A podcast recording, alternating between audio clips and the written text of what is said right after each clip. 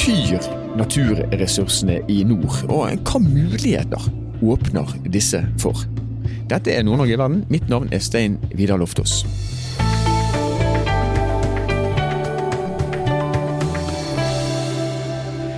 Under årets Agenda Nord-Norge ble det gjennomført en eh, samtale mellom næringsminister Jan Christian Vestre, Håvard Olaisen, som er markedskonsulent for Nova Si, et oppdrettsselskap, og konserndirektør for marked og teknologi i Tromskraft, Erling Dahlberg. Temaet var naturressurser og Nord-Norge. Hør på dette.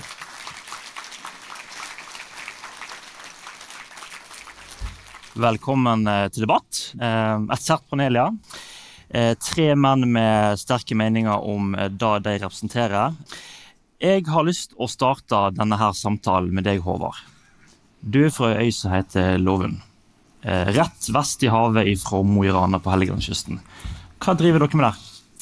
Stemmer det. Jeg kommer fra ei lita øy som heter Lovern på Helgeland, som har overkant av 500 innbyggere. I fjor så produserte denne øya her 280 millioner laksemåltider. Mm. Det er altså nok til å mate Oslo pluss Tromsø med ett laksemåltid hver dag hele året. Uh, vi var Litt lei laks du spiser laks hver dag hele året? Nei da. Ja, okay. Men altså, dere lager laks på Lovund. Deriblant uh, din familie sin bedrift. Ja. Vi har en bedrift som heter Novasi. Uh, gründerne bak bedriften her og, og, nabobedriften var faktisk de første i Nord-Norge som begynte med lakseoppdrett. Ja. Og det har vært en fantastisk utvikling fra at vi var på tur til å legge ned skoler i 1972, til at vi i dag har mer enn fordobla eh, folketallet, og vi har en snittalder på ca. 30 år. Ja, så du er under snittet, du?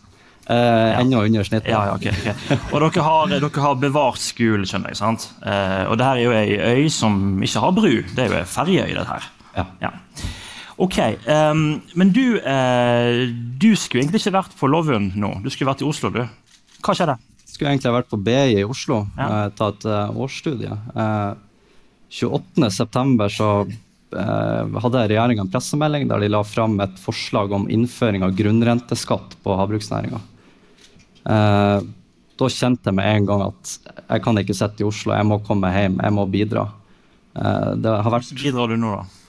Bidrar jeg så godt jeg kan med f.eks. å være her og prøve å, å vise hva konsekvenser kan bli av det forslaget som ligger på bordet, og prøve å jobbe med politikere for å finne løsninger her for å ikke hemme utvikling og grønn omstilling i næringa. Jeg skjønner. Eh, bare for at vi kan rydde litt i begrepene. altså Grunnretten til beskatning det er da skatt på å få lov til å ta ut naturressurser i Norge.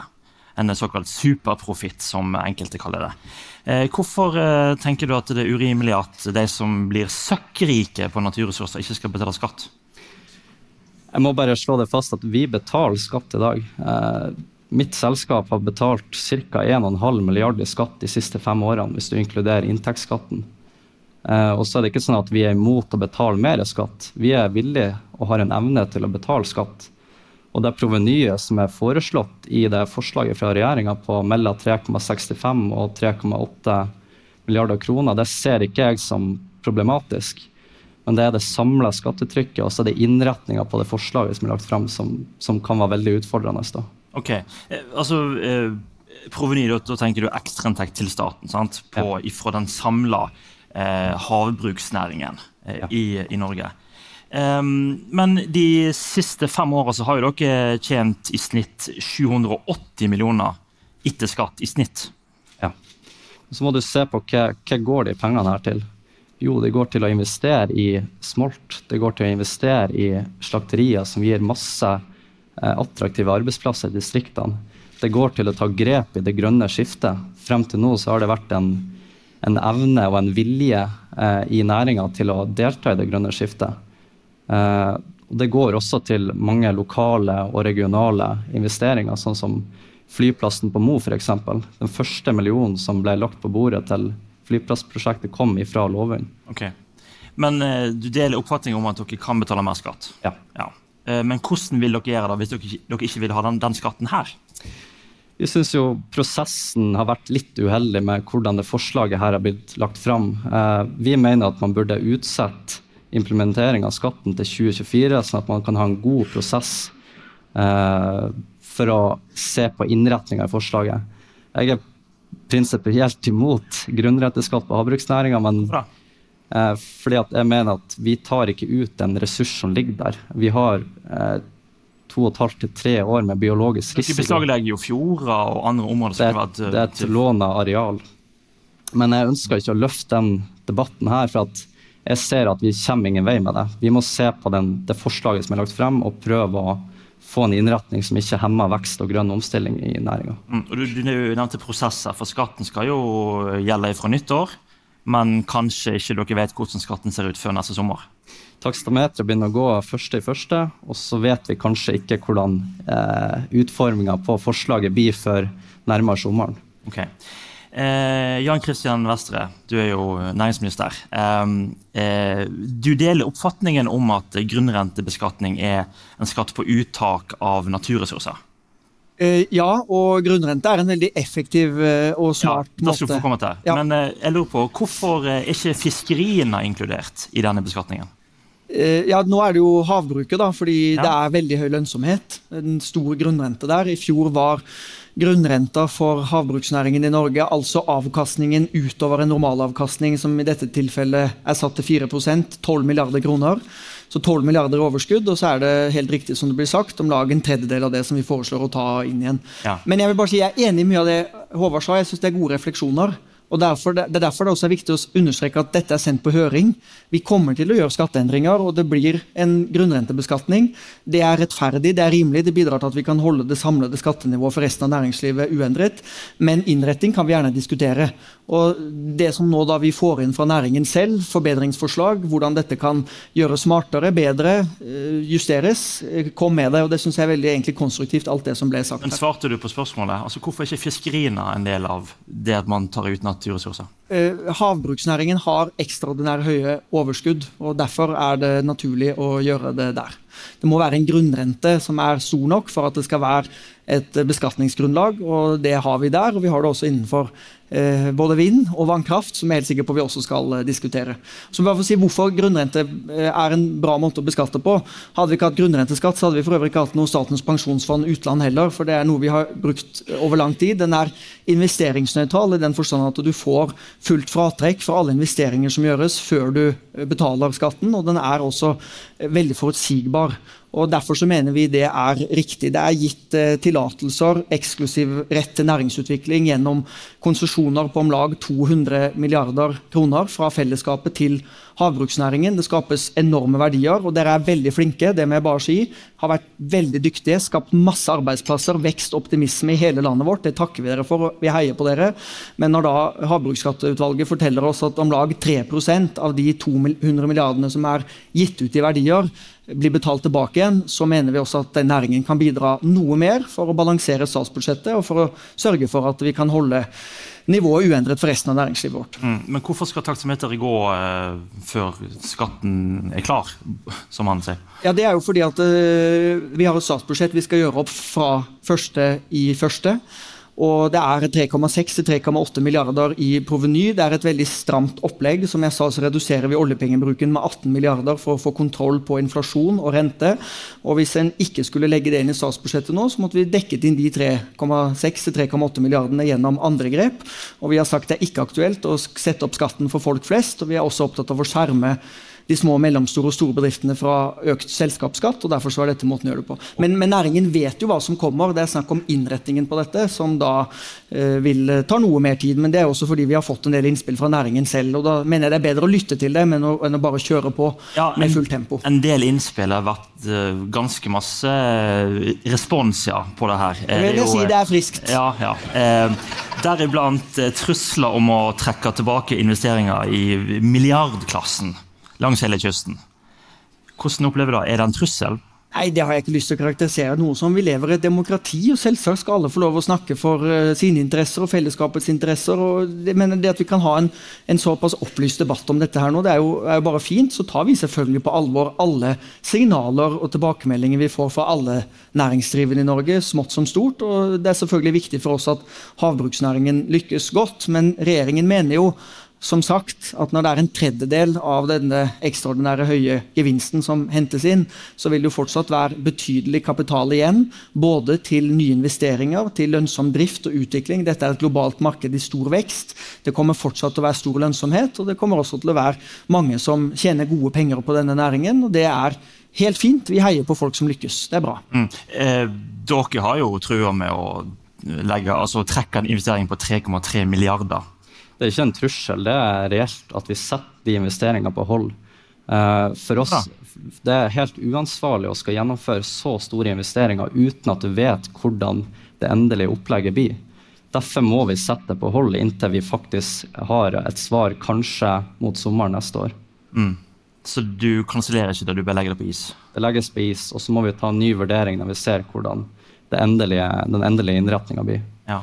Og så har jeg lyst til å, å, ta det litt på det her med investeringsnøytralitet. For sånn som forslaget er foreslått nå, så er det kun fradrag for eh, investeringer på sjø som man får eh, Nei, kun investeringer på sjø du får fradrag for i skatten.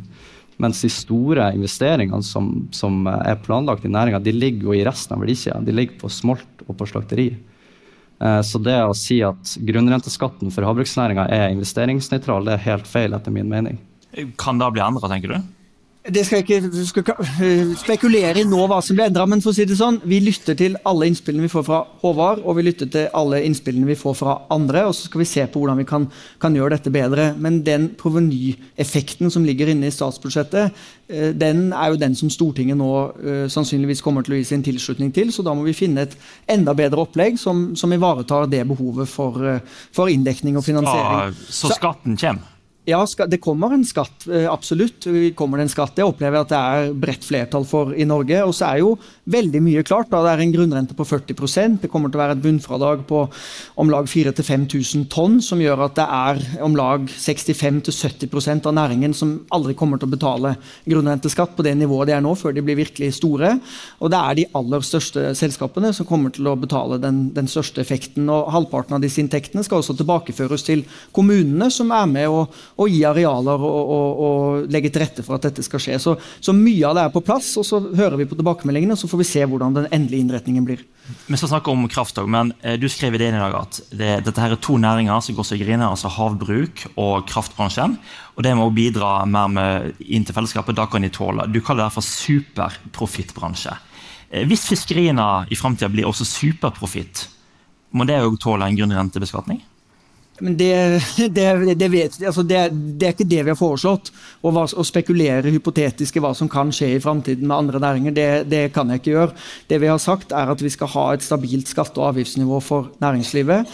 Dette har vært utredet i mange omganger. Vi har hatt offentlig utvalg, ett eller to, som har sett på det. Det har vært heftig diskutert på alle partienes eh, landsmøter. Det har vært eh, en stor offentlig diskusjon. Argumentene er velkjent. Så dette er ikke noe som, som, som kommer plutselig på. Det har vært snakket om lenge og nå gjør vi det fordi vi mener at det er rett og rimelig. Og når jeg sier det med superprofitt, så vil jeg bare understreke igjen at her, her er det jobbskapere. Superprofitt, når jeg sier det, mener jeg ikke er negativt. Det at vi har mennesker i Norge som har satsa, bygget, tatt risiko, skapt enorme verdier for samfunnet vårt. Det heier vi på, det takker vi dere for. Dere bygger landet vårt. Så superprofitt er ikke negativt, men superprofitt innebærer også at en kan dele noe mer med seg, sånn at vi kan fordele dette rettferdig i samfunnet. Og Det er jo det samme Håvard står her og sier, at det er ikke nivået nødvendigvis er noe gærent med, men det er innretningen. Ok, la oss da se på hvordan vi kan gjøre innretningen bedre. Det er okay. konstruktivt fra næringen. Ok, Det er jo satt på is da, et uh, settefisk og slakteri på Lovund til 3,3 milliarder. Men det slakteriet trenger jo uh, kraft. Erling Dahlberg, du sa til meg tidligere at det er ikke, snart ikke mer kraft igjen i Nord-Norge. Det er jo stikk motsatt av hva vi har blitt fortalt siste halvåret. Forklar det. her. Altså, vi har kraft i Nord-Norge. Vi har også kraft i området rundt Lovund også. Eh, men det som er utfordringa, er at den, det kraftoverskuddet som vi har i eh, Nord-Norge, det ligger sør om eh, Saltfjellet. Okay. Så Det er den store utfordringa. Så da får han kraft? Han er i det området som, hvor det er kraftoverskudd, ja. Men Hvis du skulle bygd et, et lakseslakteri i Nord-Troms, da? Ja, nå, har, eh, nå, er kapasiteten brukt opp. Eh, det er ikke lenger et kraftoverskudd i Nord-Norge. Og, eh, og, det er jo en utfordring. Og nå har faktisk Statnett sagt at nå, all ny industri over 5 megawatt vil ikke kunne etablere seg nord for Ofoten. Hva betyr 5 megawatt? 5 megawatt, ja, Det er si, Settefiskanlegget til SalMar på, på Senja har en kapasitet nå på 5 megawatt og skal doble sin kapasitet til 10. Det, det, det har de fått kapasitet til, men hvis det kommer et nytt eh, settefiskanlegg eh, i Nord-Troms eller andre plasser her, så vil det bli nei. Det er ikke kapasitet til å bygge den type industri nord for Saltfjellet. Hvordan skal man skaffe det? da?